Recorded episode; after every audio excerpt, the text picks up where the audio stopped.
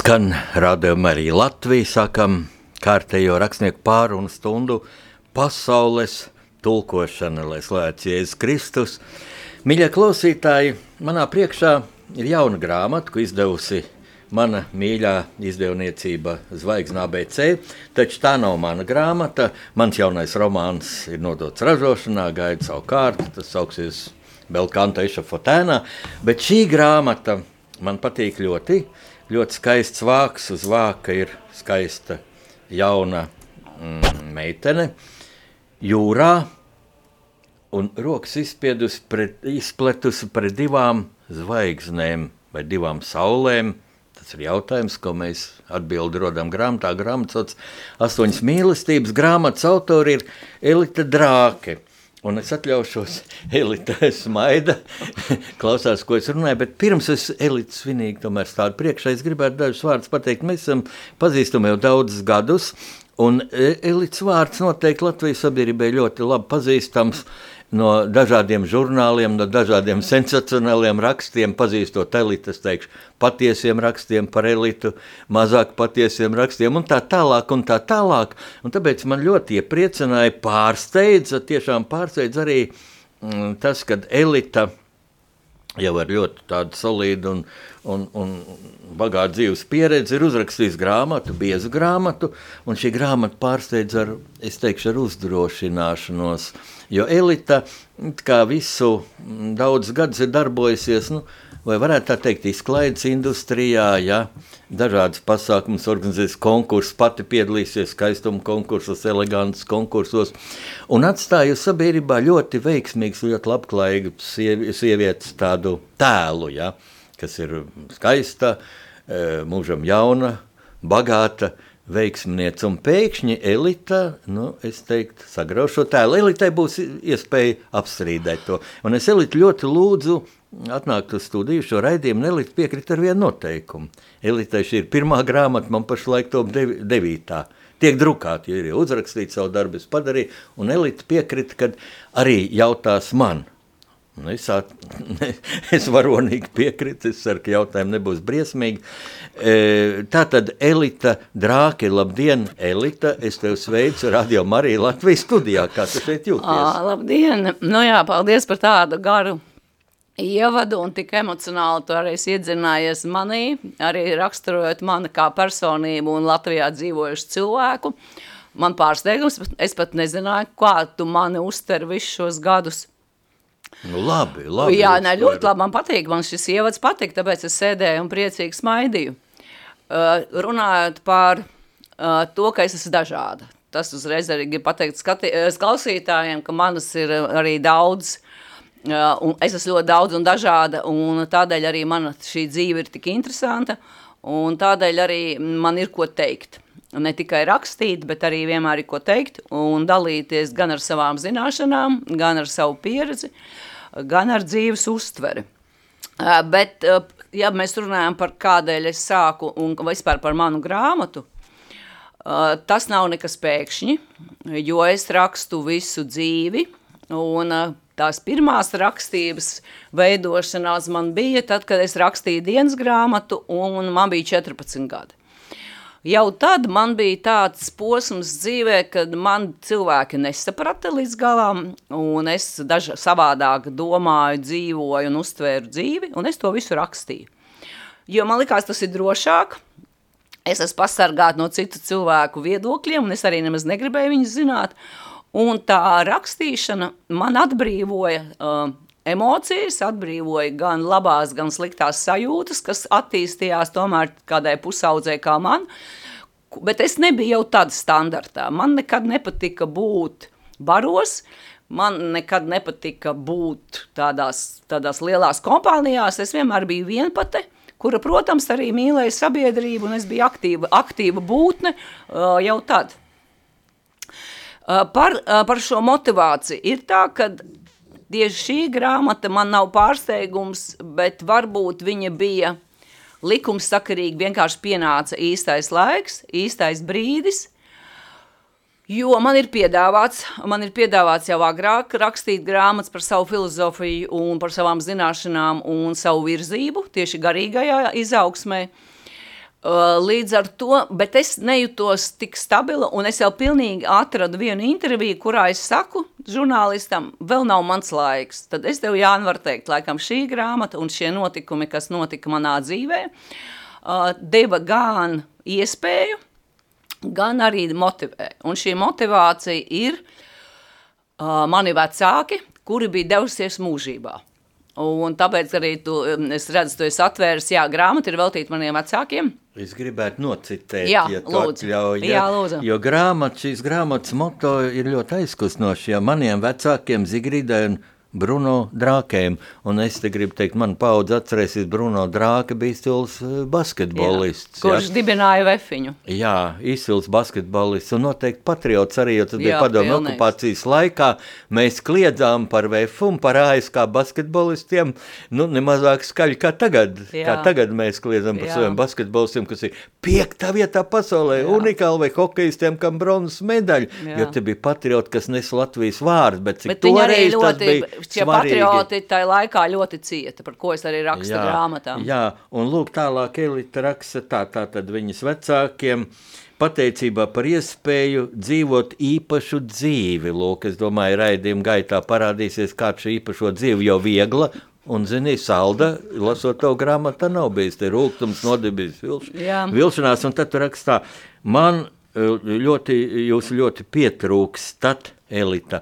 Un te es gribu teikt, kas bija arī unikāli, bet kas ir līdzīgi mums abiem, ka Elita vadīja pati savu grāmatas atvēršanu, jo parasti jau lielākie daļai nu, nu, uzaicina kādu aktieri, kādu Nu, šoumenu. jā, un te es gribu pārtraukt, es esmu novadījis vismaz simtiem pasākumus, es esmu organizējusi 25 uh, Latvijā konkursus.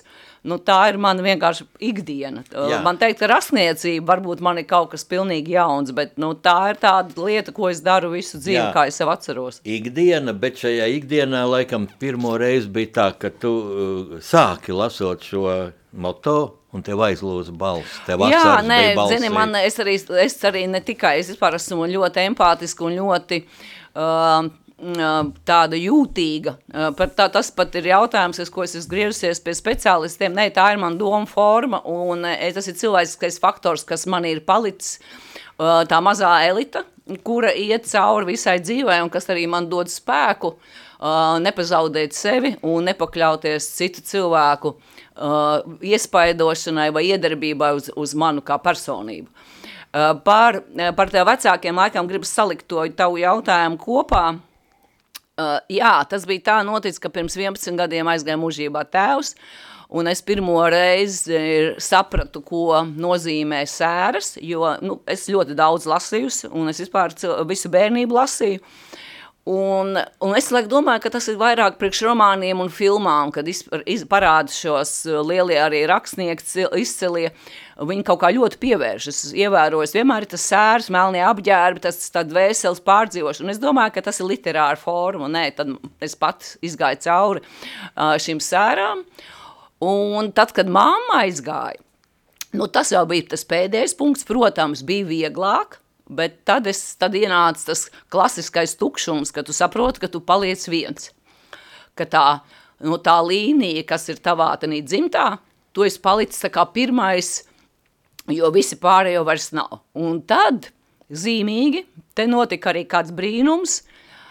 Uh, es uh, aizgāju dzīvot uz laukiem, jo vecāki man bija ir ieaudzinājuši tādu cieņu, cieņpilnu attieksmi pret to, kas mums ir, tas ir mūsu dzimtas māja.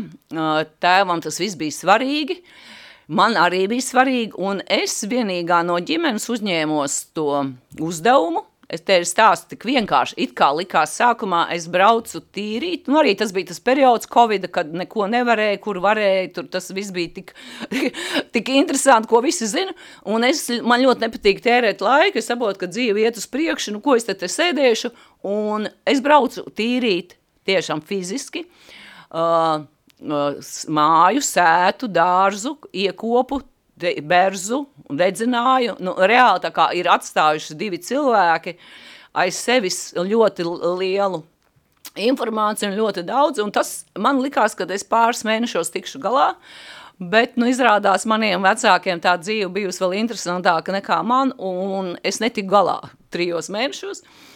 Un tā, tā bija pirmā zīme. Otrā zīme, kad gāja laiks, es atradu ļoti daudz vēstules, un es zinu, ka māma ir apzināti viņas atstājusi, jo tās, ko viņa nevēlējās, viņa ir sadedzinājusi. Viņa ir atstājusi ļoti daudz fotografijas, arī apzināti mapīpties. Māma gatavojās aiziešanai, viņa kaut kā visu bija sakārtojusi, lai man būtu vieglāk. Un tā bija otra zīme, kad tomēr man ir kaut kas jādara. Uh, un Jā, pienāca pavasars, tad gan jau gandrīz bija iz, viss iztīrīts un sadedzināts un sagrupēts. Uh, te man vēl jāsaka, ka tu pieminēji man tēvu, es izdarīju vēl vienu ļoti lielu darbu. Es nodevu sporta muzejam sava tēva relikvijas, sākot ar pirmajām distanču slēpēm un slalomu slēpēm, ko papam, uh, ko viņš sūtīja Maskavā lielo izmēru, jo viņam bija 47. izmērs kājas. Es nodevu visas viņa uh, pierakstus, sporta materiālus, medaļas nozīmēs gan rīz tūkstoši um, eksemplārus. Jā, tas ir tāds, un arī tēvam bija uh, speciāli piemiņas uh, pasākums sporta muzejā, uh, Uh, un tad palika jau tā daļa, kas palika uz manis, un es sāku rakstīt. Te man jāpiemina mana kaimiņiene, uh, arī tāda cilvēks, kas mani ļoti izprot, ir uh, Zana Baranovska, kas ir arī līdzautore. Un man daudz prasa, un varbūt, lai tev neprasītu, kā, kādēļ es pati nerakstīju. Es tomēr neesmu rakstniece, un man tā rakstīšana ir tāda, personīga lieta, un man vajadzēja zani, to es sapratu, ka tas ir nāk no tādiem augstākiem spēkiem, tas bija liktenīgi, ka mēs bijām beigā kaimiņienes, tā mēs bijām labas paziņas, un mums bija dažādi projekti kopā, un man zani mācīja rakstīt, jo rakstīšana ir dzīvesveids un, un domāšanas veids. Valoda ļoti laba grāmatā. Jā, un tad mēs kopā, es, es arī mācījos, jo man ir viena veida valoda, un, jo es esmu ļoti daudz lasījusi, Un tad salikās tas, ka es arī mācījos uh, pasniegt savas domas. Ir viens, ka tu raksti sev dienas grāmatā, bet pasniegt to sabiedrībai un, un cilvēkiem. Nu tā sākās. Tātad it kā, ja tu prasītu pēkšņi, nē, jo es visu dzīvi, vai tas bija uh, apzināti, jā, es visu darīju apzināti, un varbūt tāpēc arī bija tik interesants šis darbs, jo mēs rakstījām gan arī 9 mēnešus ar visām korekcijām, ar visu labojumiem, ar pārlasīšanām, lasīšanām, jo es um, esmu ļoti perfekcioniste, un es katru vārdu pārbaudīju arī ar redaktori, jo es zinu, ka tas ir mans darbs pirmais, un es atbildu par katru vārdu un par katru domu, un man gan Zane, gan redaktora Gunte ļoti palīdzēja uzlabot, Un kas man liekas, man Jāna patīk, ka grāmata ir ļoti viegli lasāma, kas arī jāsaka paldies šai sadarbībai, jo, nu, Saprot, jau, jau pati grāmata nav viegli, ja, jo tu arī pieminēji par manu dzīvi. Es savādāk skatos. Es esmu izlasījis daudz grāmatas, un nevienā grāmatā nav teikts, ka viņa būs viegla. Es neesmu atradusi. Sākot ar bībeli, beidzot jebkura cita filozofijas vai psiholoģijas grāmatām. Tātad es neko vieglu negaidīju. Es domāju, ka es pat ar savām domformām un ar savu, savām prasībām pret sevi un citiem arī šo savu dzīvi esmu sarežģījusi jo mēs jau paši, mēs veidojam paši savu dzīvi. Un mūsu, no mūsu darbībām ir visvairāk viss atkarīgs. Un tādā veidā jāsaka, ka um, nu, man patīk tā man īpašā dzīve. Un zini, ja vēl par ko es tā vispār tā tagad jau, es pat arī viņu lasu. Es viņu lasu tagad tā kā lasītājs beidzot, un man lēnām iet jo es atkal ļoti esmu piekasīga un es atrodu, kā varēja teikt savādāk, bet lasot, lasot uh, viņu pati, es, man ir izdevies pasniegt sevi to manu naivumu. Es nezinu, vai tu to sajūti. Uh, viņš man tagad nav mainījies, ko es, es nezinu, vai dot medāļus 10 vai 20, es esmu abrīnoju sevi, bet nu lasot, kad man ir izdevies pasniegt to manu būtību mm, un to manu pārliecību, nezaudēt to, to, to bērnības sajūtu, ko man deva tēvs, un es tev uzreiz pateikt, tu varbūt sapratīs arī lasītājs, lasītāji un klausītāji sapratīs, kādēļ es atradu spēku arī veltīt netik vieglu grāmatu vecākiem, tādēļ, ka man bieži prasa, Nu, kurienes man tāda stabilitāte, kādēļ man visu laiku tā taisnā mugura, kāpēc es esmu tik pašpārliecināta un brīžiem tas liekas visiem, ka es esmu iedomīga. Nē, Tas ir tas laiks, kad man bērnībā vecāki iedeva to pašapziņu. Viņi man ļoti mīlēja mūs ar māsu, viņi mums ļoti radīja skaistu bērnību. Un to nevar noņemt, un tas dod tos pamatus, ko es vienmēr saku. Ir ļoti svarīgi, kāda cilvēkam ir bijusi bērnība, un vai vecāki ir paspējuši to līdz 14 gadiem to mīlestību iedot. Tas man bija, bet redz, tad, kad arī tev dod, Vecāki mums ļoti daudz deva, bet arī, kā var redzēt, grāmatā ļoti daudz no mums prasīja. Un ne tikai vecāki, arī dzīve sāka prasīt. Jo es uzskatu, ka es līdz 14 gadiem biju lutināta, luteklīte pilnīgi visādās formās, gan no dieva, gan no vecākiem, gan no sargaņģeļiem, no visas biju. Nu, un tad sākās īstā dzīve, jā. Jā, nu, tu tik dinamiski un patiesi un dziļi pateici, ka, nu, ko te vēl atliek – piebilst, es paziņošu tagad muzikālo pauzi, kas ir tava mīļākā dziesma, dīvainā kārtā arī mana. Mēs esam ļoti dažādi, ja sieviete un vīrietis, es esmu arī vecāks par tevi, bet mums ir daudz kopīgs, arī es gribēju teikt, ka es arī vadu savu grāmatu atvēršanas, ja, ne tik liela pieredze man ir, bet vienkārši man neviens neapmierināja, neviens aktieris vai kas tur pirmajām grāmatām bija pieaicināts, jo Viņa nedarīja to no sirds, bet tas ir mans bērns, un arī šī grāmata ir tavs bērns. Tur atbildēja, kādēļ es pati visus savus projektus vadu, un jā. kādēļ arī visus konkursus pati vadīju. Jā, man jā. arī neapmierina, man, lai, varbūt tas ir pareizi, nepareizi, bet man neapmierina, jo cilv, ja tev jābūt klātesošam tanīs procesos. Un liels patiesums, un es tev apsolu atbildēt uz teviem jautājumiem, bet tev muzikālā pauze, tu vēl varēsi izdomāt, ko jā. prasīt, cik briesmīgi jautājumi, tad, tad tagad muzikālā pauze.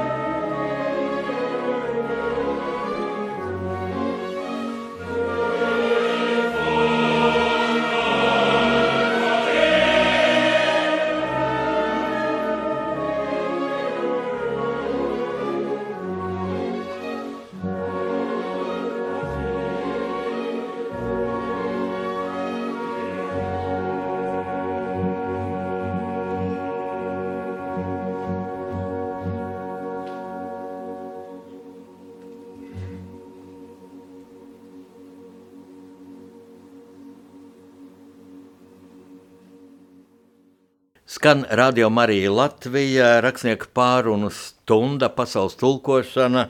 Ar jums runā Jānis Udris, un mana viesiņa ir Elita Drāke. Mēs runājam par Elitas pirmo grāmatu. Pirmā grāmata - astoņas mīlestības. Ļoti interesanta grāmata, un tagad nu ir laiks solīts jāpilda. Elita uzdos savu jautājumu. Jā, jā, es Jāni gribu tā paskatīties uz tevi. Un uh, Tāds jautājums, tā kā es vispār nesen tikai sapratu, ka es pati esmu rakstniece, jo man likās, ka rakstnieks paliek kaut kad, kad ir daudzas grāmatas, tad es jau esmu ne tikai līdzautors un jaunais autors, es arī esmu rakstniece.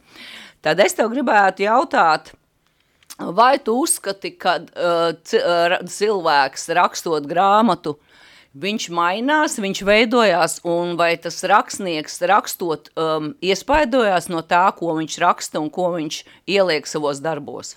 Jā, jā, es to varu ar visu pārliecību apliecināt, jo man tagad tātad, um, ir ražošanā, nu, drukāšanā devītā grāmata, kad tas ļoti palīdz. Un um, pirmā grāmata, kas man iznāca 2004. gadā, Tā vēl bija faktiski žurnālistika. Es nāku no žurnālistikas. Es jau kopš Latvijas neatkarības atjaunošanas strādāju valsts oficiālajā laikrakstā.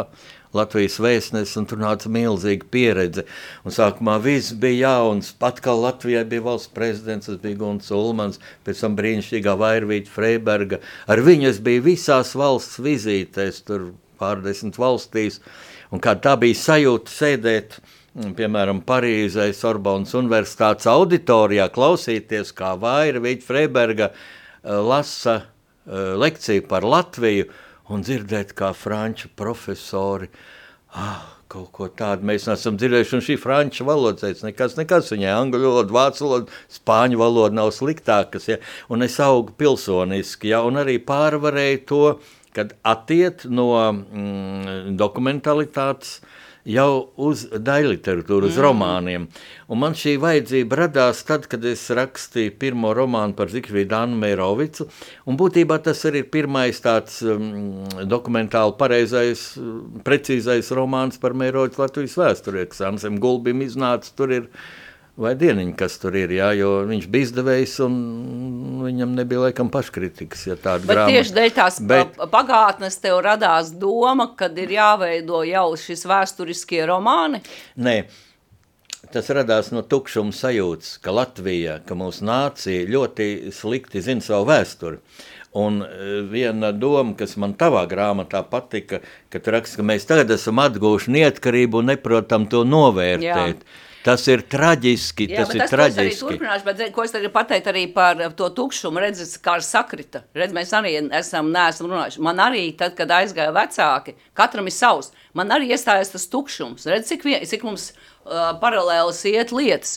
Jo laikam tie cilvēki, kas ir kaut kādi, kas, nu, mēs katrs kaut kādos līmeņos uh, kā esam līdzdomātāji, ja mēs visi vienādi nevaram domāt, ja. Uh, Bet uzreiz, lai nebūtu tā, mm, es gribu uzreiz to nākošo jautājumu, jo es tomēr esmu ļoti sievišķīga un es vairāk nodarbojos ar visādām sieviešu lietām, sieviešu konkursiem. Kāpēc tev ir tikai viens romāns par sievieti? Un es, kā es saprotu, tā par uh, Ivāna Kāja, jā. sievietes dzelme. Jā. Bet es viņu neesmu izlasījis, tas, es, tas man būs mājas darbs viņu izlasīt. Sievietes dzelme, jā. Nu, jāteic, tas jau vēsturiskie romāni arī parāda, ka sievietei publiskajā telpā, sabiedriskajā dzīvē bija tomēr ierobežotāka loma. Jā, bija mm. vīriešu dominanta, zināms, vīriešu šovinisms, un Ivandai Kājai tas ļoti parādījās, ka viņa uzrakstīja pirmo romānu, Iedzimtais grēks. Mm -hmm. Kritiķi bija tikai vīrieši, ja? mm -hmm. Tikai vīrieši un vīrieši tad nu, ņemās un tā esot pornogrāfijas propaganda, ka viņi apraksta, ka romānu varoni, viņas jauna skaista sieviete, viņa izģērbis un, un peld upē un ūdens, vēsais ūdens glāst, viņa skaisto ķermeni pornogrāfijas propaganda. Ko tagad viņi rakstīt, kas notiek mūsu nu jā, es jau gaidu, ko rakstīs arī par manu vāku, bet, jā, tur jau var tagad varētu. Bet, jā. bet, bet, bet, bet, um, Man jāteic, ka sievietei ļoti nozīmīga loma visos manos romānos, un, piemēram, ja tu lasīji man romānu Bruņnieks Roberts, leitnants Rubens Bruņnieks Roberts, tur ir pat daudz erotisks epizodes, un te jāatzīstas, kad atkal es dzīvoju ar šo savu varoni, es viņu mīlēju, man viņu bija žēl, šo leitnantu Rubenu, kas bija patriots un kas vienīgais ar savu bataljonu otrajā pasaules karā, starp divu vaiprātīgu uh, vaiprātīgu cilvēku vadītām armijām, starp sarkano armiju un, un, un, un, un nacistu armiju, e, cīnījās par Latvijas neatkarību zem sarkanu baltu sarkanā karoga. Krita 18. novembrī 44. gadā, kur zemes tietoksnī, zem sarkanu baltu sarkanā karoga, 27 gadu vecumā. Man viņa mm. bija ļoti žēl, un tad es domāju, ko es kā rakstnieks varu, un kas var būt skaistāks par sievietes mīlestību. Mm -hmm. un mhm. viņa, un viņš bija saka, pirmais puisis ciemā, pirms kara Latvijā. Viņš spēlēja akordeonu, balēs, spēlēja. Viņš bija virsnieks. Viņš bija tanka komandieris, starp citu, jo Latvijas armijā bija tanki. Ja? Un tad, bet es redzu, augu mm, dzīvojot līdz šiem cilvēkiem, un es ļoti daudz uzzināju arī par vēsturi. Lai gan nav tā, ka man saka, tev vēsturiskie romāni, tad tu sēdi arhīvos vai ko. Nē, es arhīvos nesēžu. Par Ivānu kā jā, viņai dienas grāmatas daudz stundas pavadīju misiņu bibliotekā, bet tas ir tā, ka Mm, es iedomājos, kā arheologi izroka teiksim, kādu viduslaika cilvēku skeletu, ja, un tad ar modernajām tehnoloģijām var, piemēram, paņemt galvas kausu un just, jā, jā, kur ir vairāk uh, miesa, kur ir mazāk, jā. un uztaisīt gandrīz tādu mm -hmm. galvas modeli, kad kaut fotografē un drukā pasē, ja. Un šeit es apaudzēju ar notikumiem, un atkal ir viens tāds, ko es neciešu, ka saka, es fantazējot. Nē, Man fantāzija ir vienā bērnu grāmatā, Melders un Matīs ceļojums vēsturē, kur mēs ar fantastisk, fantastiskās literatūras nu, iespējām izceļojam Latvijas valsts vēsturi, ja, mm -hmm. kur no vienas epizodes otrs no Bermontiādas cīņām uz uh, padomju okupācijas dienām un tā tālāk. Jā, bet es tev, Jāngi, pārdot, atver lūdzu pirmo lapspusi, jo tagad es gribu arī kaut, kā, kaut kādā veidā paskaidrot, kad ir um, nākošo, kur rakstīts, ka grāmata ir romāns otrā pusē. Jā. Tas ir noteikti jāpasaka arī lasītājiem, jo, lai, ne, nu, lai nebūtu arī, um, man te jāatgādina un jāpaskaidro, ka šis ir romāns, lai cik viņš ir uh, saistīts ar, ar manu dzīvi, ar, protams, ar manām emocijām un manu pārdomām un filozofiju. Uh, man liekas, kas vispār ir interesanti, kas ir pirmo reizi Latvijā, ko man arī saka bibliotekāri un, un izdevēji, uh,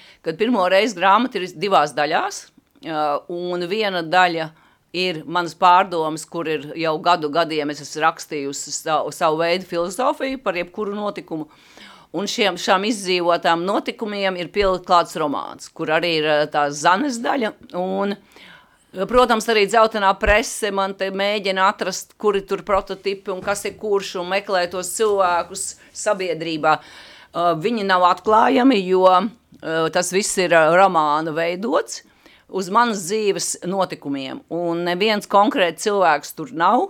Viss ir mazliet, protams, kā, kāpēc es gribēju, lai tu paskaidro arī savu, ja, kad es arī nebalstos, tā nav autobiogrāfija. Un viņa arī, ne, es autobiogrāfiju nekad dzīvē arī nerakstīšu, jo es negribu atklāt arī daudz lietas par saviem līdzcilvēkiem. Ma, mana grāmata ir tikai par mani. Es neapspriežu, un es pat ne, tur nav neviens brīdis, kad es analizēju, ko citi domā vai citi dara. Es stāstu, kā es jūtos tādās situācijās, kur man dzīve ieliek. Jā, tas arī bija mana dēla ieteikums, ka es viņam prasīju tā kā svētību, kā viņš uzskata, vai es varu. Un viņš tieši pateica divas lietas. Nelieli sevi un raksti tā, lai tas būtu noderīgs. Vērtīgi Vēr, padoma. Jā, vērtīgi, jā, un tas jā. ir tik, un es arī ieturēju, viņš man visu laiku turēja, zin, kā uzreiz aiziet emocijas, aizplūsti. Es visu laiku konkrēti, un arī tas, ka to arī man vecmāmiņa mācīja, kad mēs nekad uh, nedrīkstam, mums nav tik zemu, mums nav jāpaliek prastiem, lai mēs prasītu, uh, cik kurš pelna. Uh, kāds, kuram ar ko ir attiecības, kaut vai tādas erotiskās vai tādas iemīlēšanās. Mēs nekad nezinājām, kas ar ko. Jo tas bija, e, viņš, viņa mācījās starti universitātē un arī meiteņu skolās. Viņai bija tāda smalka iekšējā pasaule, kur arī bija apmācīta. Viņa mums to visu nodeva. Jo man pat arī tagad Man pat ir nērti, slikti domāt par cilvēkiem. Tas ir tas mans nājums, kurš izpaužās tādās lietās, ka nu, cilvēki visu dara, bet es pat jūtu, ka pret maniem izturās varbūt pavirši. Bet man ir nērti kaut kā to pateikt. Tas, tas iet cauri. Ja? Un attiecībā par grāmatu, varbūt, um, redz, tu tik labi pateici tos savus formas, tad mana grāmata ir par manu um, režīmu, disciplīnu, par manu, manām ģimenes tradīcijām, jo mēs, mums bija ļoti daudz tradīcijas. Mēs bijām rituāli cilvēki, sākot ar galda klāšanu, svinībām. Arī tajos laikos mēs bijām reāli Latvijas patrioti. Mēs, visu, mēs svinējām Ziemassvētkus, mēs svinējām Jāņus, mēs gājām baznīcā pa kluso. Uh, mēs mm. gājām pie čakstas pieminiekta, likām svecītes un, un mums uh, vecākus veda stūrmāju. Mēs esam visam tam gājuši cauri. Un mēs nekad neesam padevušies, nekad neesam padevušies uh, tam kopumam. Uh, jā, tēvs daudz ko zaudēja, mēs daudz ko zaudējām, bet mēs palikām ar to uh, cieņu pilnu gan pret sevi, gan pret Latviju. Jo es esmu pilnīgi Latvijas patriots. Es, es, es pat nekur citur nevaru iedomāties, kur es varētu dzīvot. Ja. Es klausos, cik enerģiski runā, man liels prieks un atkal jādomā par sievieti. Ja, man ir šajos raidījumos bijuši tu pie 80 dalībniekiem. Ja. Tu esi, nu, viena no dinamiskākajām, pašapzinīgākajām, tas kompliments. Jā. Šo sezonu ievadīja Zinātņu akadēmijas prezidents, izcila saruna bija, bet man jādomā par sievieti un tavs jautājums, kāpēc viens romāns par sievieti. Es atļaušos Jā. teikt tā, ka man būtībā visas manas grāmatas ir par sievieti, jo Es Latviju jūtu kā sievieti. Mm nu, kaut vai tīri gramatiski. Latvija, mm -hmm. sieviete, mm -hmm. visi nozīmīgākie vārdi, laime un tādi ir sieviešu dzimtē, ja, un tas ir simboliski. Un ap citu, tā saka, es arī. Un, es arī jūtu kā jā, sieviete. Un redzi, e, Latvija, nu, man pirmais parādās no tāls, tāls bērnības, kad es pirmo reizi biju brāļa kapos, omīt man aizveda māte Latviju tur brīvības piemineklis, kurā es savā jubilejā es biju iekšpusē, es pat trepītēm uzkāpu, jo jubilāri tur var īpaši tur to ar, ar, ar lielu draugu pulku, ja 20 draugu drīkstēja jā, pēc jā. Covid likumiem, Covid jā. laiks tas bija, bet nu, mēs tur kāds var, varbūt vairāk bija, un Un es redzēju šo pieminiektu no apakšas, pie kājām, burtiski varēja pastiepties, noskūpstīt kājas mm -hmm. no mhm. iekšpušai mātei Latvijai. Un visos manos romānos ir sievietes, kas eh, šo vīriešu dzīvi veido. Piemēram, Mērovicam bija divas sievietes. Tur tā problēma, pat Bībeles problēmas ar Martu un Mariju. Pirmā sieva, viņam Anna, brīnišķīga namamāte, brīnišķīga māte trim bērniem. Uh, Bet viņa nespēja būt uh, ārlietu ministra sieva, ne, nespēja būt premjerministra nu, sieva. Tāpēc, ir, te, tāpēc arī es arī varbūt, nu es esmu, lai tā arī tā runātu, nu es esmu mācījusies runas mākslu. Es esmu, tad, kad neviens nedarīs, man Mirdz Mārtinsone mācīja, pasniedz runas kultūru, un tas nav tā.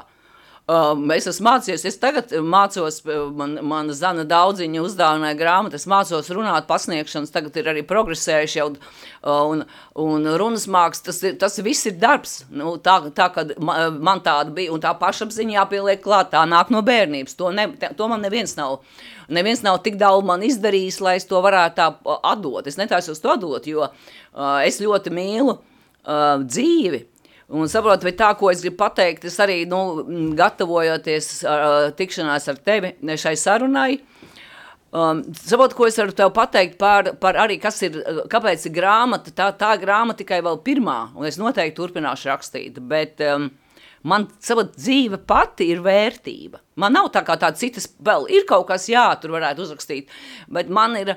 Um, Varbūt arī caur tām grūtībām, varbūt arī caur to mīlestību. Var arī redzēt, mums ir ļoti spēcīgas četras dzimtas maniem vecākiem. Varbūt tas, ka es viņu zinu, un es ļoti pētīju, es zinu dzimtas koku, kas arī man dod ļoti lielu stabilitāti. Un es vienmēr visiem iesaku Latvijas iedzīvotājiem sākt apzināt to, ko tu dari grāmatās, apzināt Latvijas vēsturi caur savām dzimtām. Es, piemēram, es, es atradu es pat savu vecu vecmāmiņu līziņu, robežos, kas bija baltā dziedniece, baltā tantiņa ar sirmiem matiem līdz, līdz ceļiem. Nu, tālāk vairs nevarēja, neviens vairs neatceras. Mm. Bet tas ir jādara, un, un, un, jo es vairāk zināju arī par saviem senčiem, savu vecstāvu, vecstāvu, kuram bija pirmais zirga tramvajs Rīgā, viņiem bija staļi. Nu kā, protams, tas arī dod man tādu uh, Es, es zinu, kā, no kurienes es nāku. Es arī zinu tos tumšos posmus, kas ir nākuši, kā ir ģimene ir cietusi. No mūsu laime tā, ka neviens nebija Sibīrijā. Jā, mēs visi esam kaut kādīgi izdzīvojuši ar bēgļu nometnēm līdz Vācijai un tālāk visi atgriezās. Bet es to zinu. Nu, protams, tas ar man dod to tembru, ja. Uh, es esmu ļoti es iedzinājusies tēva intervijās. Kamēr tēvs bija dzīvs, viņš mums nedēļu viņas tā lasīt. Es tagad arī vairāk, ko es rakstīšu otrā grāmatā, noteikti vairāk par, par savu ģimeni un par tēvu un, un par tādām lietām, jo šeit es vairāk koncentrējos par to mīlestību, ko, kurā es dzīvoju. Tad tās lietas būs savādāk, jo es ļoti mīlu dzīvi. Un es esmu ļoti pateicīga iespējai dzīvot. Es katru dienu Jāni saku Dievam paldies, kad es esmu piedzimusi, ka, ka es varu atvērt acis un redzēt sauli, um, debesis un, un sākusies jauna diena. Tas ir vēl viens spēks, jo, ja mēs neesam pateicīgi par katru dienu un par katru vakaru, tad, nu, ko, nu, ko mēs te darām? Mēs ļoti, jo lielākā daļa sabiedrības, arī tā, ko es jau aprakstu grāmatā, es atradu spēku, tomēr arī atklāt tās diezgan no manas puses diezgan lielas šausmas, kurās man dzīve bija ielikusi ar tiem visiem um, skaistuma konkursiem un visām tām, tām uh, iestādēm, kuras sāk strādāt. Ja, tā, kosmiska meitene, uh, kura mācījās nesen pie profesora Feldmaņa, uh, Svētdienas skolās, jā, mums bija liels grupējums, pie, es tieši tā, man laimējās, man atkal laimējās, ka es tieku, tieši tiku Mešparka draudzē, un es biju pie profesora Feldmaņa, kurš man iedeva pilnīgi citu skatījumu arī uz bībeli, un uz, uz, uz tēva reizi, un uz visu, kas arī man ir tā, doda līdz šai dienai spēku. Un tā ir tā kā mana iekšēja saruna ar sevi, nav jau nekas cits izdomāts, ja, tūkstošiem gadu. Uh, bet kamēr cilvēki nav pateicīgi par to, kas viņiem ir, es nezinu, uh, kas viņiem dod spēku dzīvot. Es nezinu, jo es, es meklēju, nu, ko var darīt. Jo, un, zinot, kas man ir slēgta, man liekas, kāpēc es esmu diezgan nērta sabiedrībai. Pirmkārt, um, es ne par to, ko es esmu darījis dzīvē, man, es ne par ko nekaunos, es neko neesmu izdarījis, par ko man būtu kauns. Es, ne, es to, ko es daru, es par to nesu atbildību, es apzināti. Un par savām rīcībām es arī daru, jo katrs cilvēks tai, var tajā brīdī izdarīt to, ko viņš vislabāk var izdarīt. Arī manā grāmatā šīs pārējas ir tikai tāpēc, ka es gribēju palikt dzīve, es negribēju sabrukt, un, un izmantoju katru iespēju, ko dzīve man deva, lai es pilnveidotos pieņemot, nevis kādu nosodot vai kādam pārmetot. Man jāteic, Mm, te ir gan tāda liela uzdrošināšanās, gan arī liela vērtība, es gribēju teikt, jaunām meitenēm.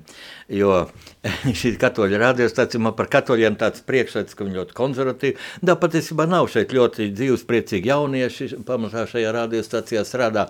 Bet tev tas jaunības ideāls bija nu, bezgal cildens, ja tā nu, tad aprecēties aiz mīlestības, zaudēt nevainību, Kāds nu, tas ir tieši tas, gan, nodzīvot gan vīru. Gan luterāriem, tas jau tas jā, arī jā, tā mums arī mācīja. Jā, bet nu, dzīve ir nu, jā, sarežģīta. Jā. Te, ja teicu, ļoti gribēji, tev jā, nesanāca, jā. un kur un puisi jau varbūt tālāk. tādi lēti riņķi, tu tikai gribēji ballēs izdejoties, mm, mans ļoti aizkustināja. Un viss, un punkts, un zēna iet mājā, jā. jā. Bet redz, dzīve ir sarežģīta, un tas cik svarīgi pateikt meitenēm, jā. Jo tagad, man liekas, meitenes bieži ar kaut ko pilnīgi pretējo lepojas, cik gados jau viņi kļūst sievieti, un jā. man viņa žēl kaut jā, kur viņ, viņš nozaug sev bērnību, jaunību. Jā, jā. Un zini, kā man bija interesants gadījums, ka iznāca grāmata par Ivānu Dikāju, un tur ir tāds teikums, ka viņi iesvētījās tepat blakus Tornkalnu baznīcā, un, un fotogrāfs nostādīja jaunavas tur priekšā un puiši aizmugurē, un tad viena meitene, viņa raksta recenzijas, tagad ir internetā var lasīt, ar ka meitenes, tāds blogeris raksta recenziju, ļoti kategorisks ar citu. Un viņi man raksta komplimentu. Jānis Udris lieto retus, sen aizmirstus vārdus. Piemēram, viņš lieto vārdu jaunava. Un es šausmu konstatēju, ka jaunā dāma nezina, ko nozīmē jaunava. Tā nozīmē nu, meiteni, kas ir nevainīga, jā. kam nav, nav intīmās attiecības jā. ar puišiem. Jā.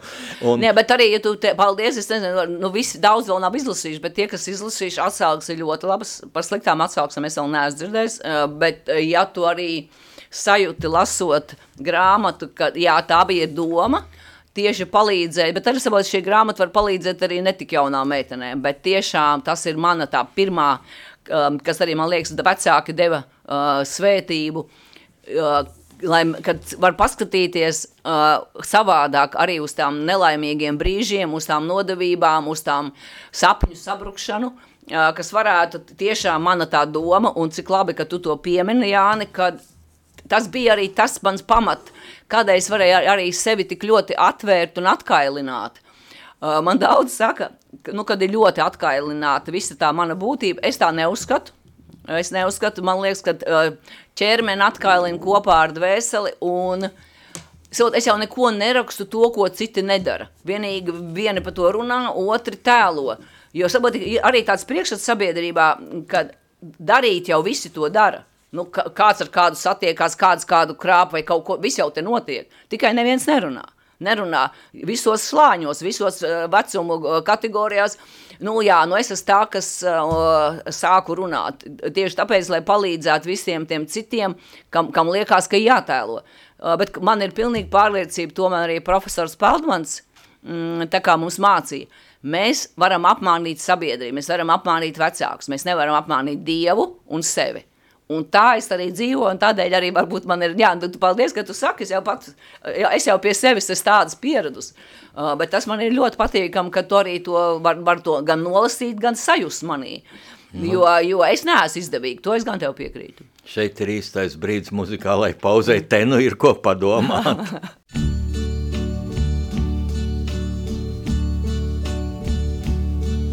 And now end is near, and so I face the final curtain. My friend, I'll say it clear, I'll state my case, of which I'm certain. I've lived a life that's full.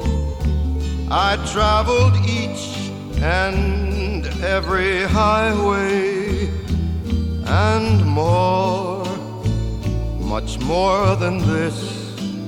I did it my way. Regrets, I've had a few, but then again, too few to mention. I did what I had to do, saw it through without exemption. I planned each charted course, each careful step along the byway, and more, much more than this, I did it my way. Yes, there were times I'm sure you knew when I bit off more than I could chew. But through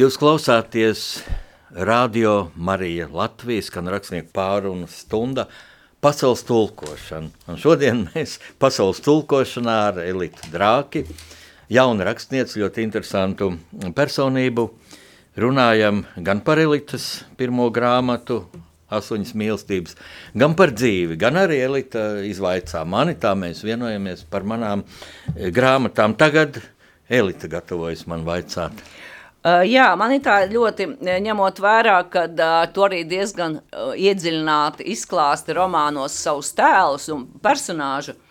Uh, mana uh, interesē, kā tu uh, piepildi savu igno, ikdienu arī un kas ir priekš tevīm harmonija. Jā, kā es piepildu ikdienu, man atšķiras vasara, pavasaris, vasara, rudens no ziemas, kad, kur es vadu mm, pilsētas dzīvoklī, bet uh, pavasara, vasara un rudenis tagad jau gadus 20 vadu pie jūras. Klusā zvejnieka ciemā, kurzemē, pie diži jūras, kā tur vietie sauc, ir atklātā jūra, kur ar citu parasti ir siltāka nekā līdz. Un uh, tur man ļoti patīk darbi, pra, fiziskie darbi, pļaut zāli, kaut ko būvēt, es pats pirtus būvēju. Tas ir ārpus rakstīšanas, bet, protams, diena parasti sākas ar rakstīšanu, no rīta visvaigāk galva ir, bet, ja tur runā par harmoniju, tad tā man tāpat kā daudziem ir bijusi, neslēpšu arī tagad ir problēma, jo mani, es esmu emocionāls, varbūt rakstnieks nemaz nevarētu būt savādāk, ja nebūtu emocionāls. Man ļoti nomāc mūsu, lūk tas, ko es pir, pirmī teicu, ko tu mini savā grāmatā, ka ne, mēs nemākam novērtēt savu neatkarību, ja? Un sabiedriskajā domā ir šausmīgs apjukums. Un man par notikumiem pasaulē, un tepat blakus kaimiņu valsts, uh, Ukraina, uh, tepat Ukrainā, mūsu ka- lielā kaimiņu valsts Krievija, nu, īsteno, nu, es nezinu, bezgalīgi noziedzīgu karu, bezgalīgi noziedzīgu, kas, derdzīgumā pārspēja otro pasaules karu, zemiskumā, derdzīgumā. Ja toreiz vēl kaut kādi noteikumi bija. Pirmā pasaules karā vispār bija vēl, kad karavīri pat brāļojās un kopīgi apglabāja kritušos. Nu, tagad es nezinu, ko Bet kādai likumi. teikt, ka Bet. Tas tev neļauj būt harmonijā. Jā, es par to ļoti daudz domāju. Es iesaistos arī kaut kādās mm, internetu diskusijās, un tas prasa nervus un visu, un harmoniju man dod. Jā, kristīgā ticība, baznīcas dievs. Es esmu ļoti pateicīgs liktenim, ka es, man bija jau zolīti gadi, kā Dans Dievišķās komēdijas ievadā ir rakstīts, kad pusdzīvs ceļu nostaigājis. Es biezā tumšā mežā apmaldījos un atlapos kaplam esmu gājis.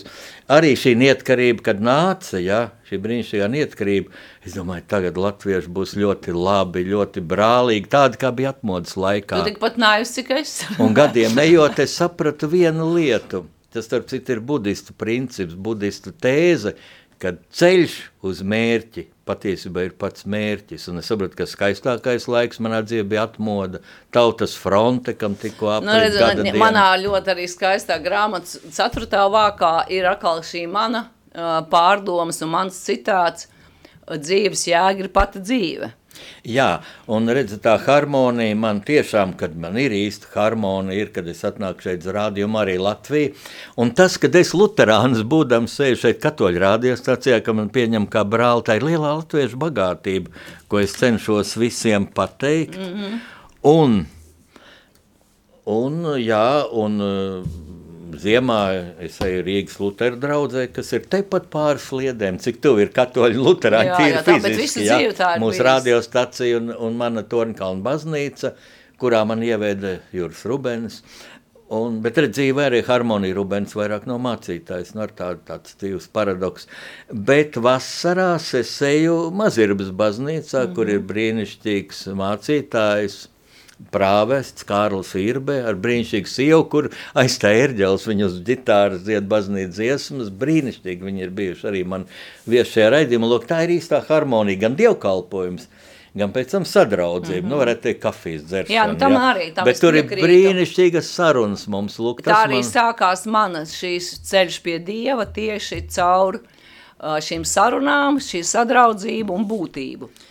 Uh, ir vēl tāda lieta, kad varbūt tu tomēr uh, gribētu saprast, kā es tagad jūtos pēc, pēc grāmatas. Tagad Jā, redzi, tu vienā intervijā, nu parādījās to intervijas, tu esi populāri, ja ir, jā, un gaida. grāmata bija top divi apgādes Jā. zvaigznē ABC. Jā, Jā, nu viņi atbilst tā, ka tiešām pēkšņi, ko tad Elita tāda teiks, jo tev jā, jā, pazīst, tur, jā, jā, tas varētu būt, jā.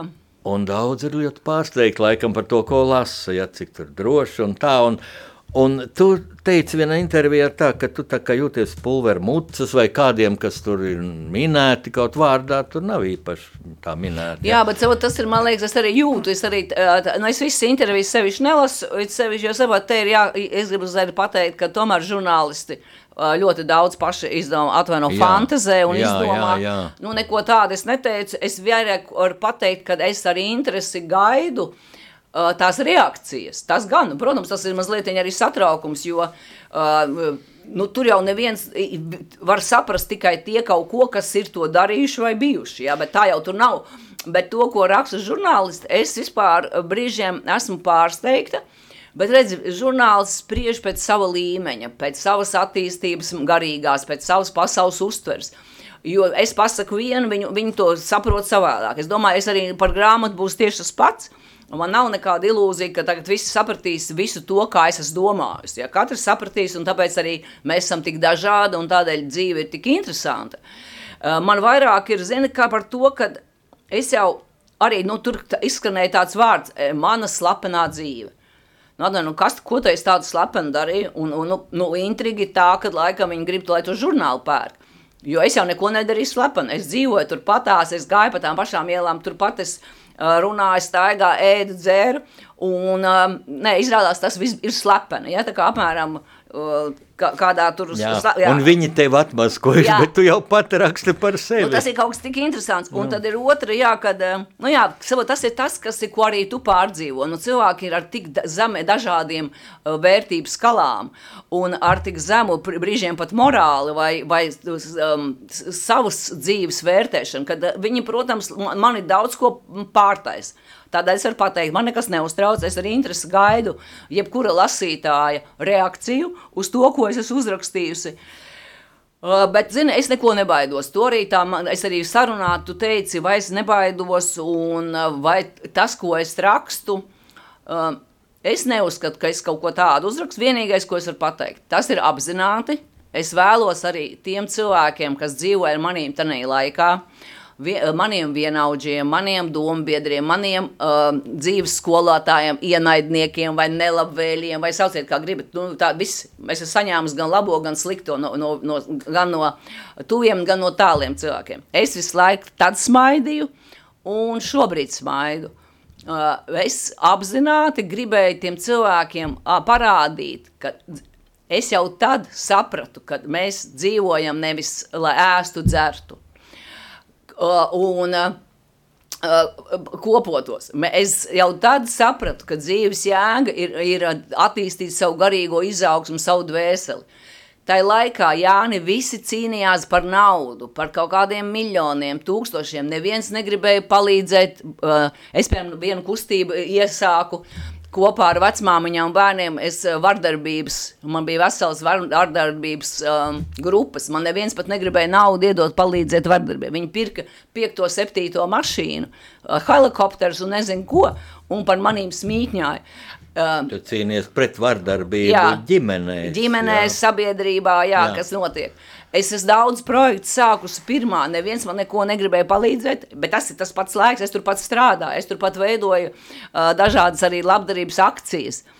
Un tie, un tie cilvēki tikai domāja par naudu, cēla mājas, un, un tie, tie, tie visi tie miljonāri, jauni ceptie, kas bija, kas nezinu, no kurienes naudu bija sagrābuši un, un savus dvēseles pārdevuši. Un, un, un, un tagad Izrādās, es kaut ko saku, es vienkārši parādu, ka jau tad varēja domāt par garīgām lietām, varēja uh, domāt par, par uh, citiem cilvēkiem, atvērt empātiju, būt līdzcietīgiem, līdzjūtīgiem. Nekas tāds nebija. Es biju jocīga, tāpēc, ka es tā darīju. Tagad izrādās, es esmu uh, to uzrakstījusi, un tagad, jā, nu, nu kā tā tā? Kā tu tā? Tu zini, kas tas ir? Ja? Tu tā citēji, nu, modelēji to žurnālistu, jā, slēptā dzīve, un tā, jā. šodien, lai noskan, šodien aiz, žurnālistika tas, ko jau rīt aizmirst, jā. jā, kam tas interesē, tas ir arī, kāpēc es savā laikā kļuvu rakstnieks, ja lai tomēr paliktu. Un, redzi, tagad rakstot vēsturisks romāns, es skatos vēsturiskā kontekstā. Ja? Nu, kurš, piemēram, pat šodien var uz sitienu nosaukt visus Latvijas premjerministrus, kuri bijuši 30 gados, nu kurš var, ja? Mm. Tagad mēs te rakstam, kas viņai labs, kas slikts. Um, nu, faktiski es rakstu arī tāpēc, lai saprastu, ka Latvijas valsts nenokrit no gaisa, ka par viņu atdeva cilvēku dzīvību. Jā, bet jā, tas ir vēl viens mums tēma tāda, nu, sakritība, jo tad, kad es sāku rakstīt, arī, nu, tas arī pieminētie vecāki, jo kaut, kā, nu, kaut kādā jēgā jābūt, nu tikai rakstīt.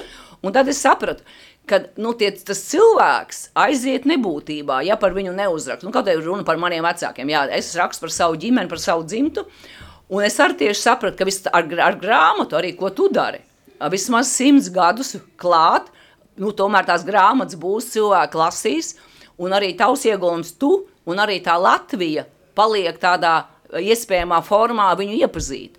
Jo ar grāmatām tomēr mēs simts gadus nu, paliekam, kā mums arī teica, apgādā.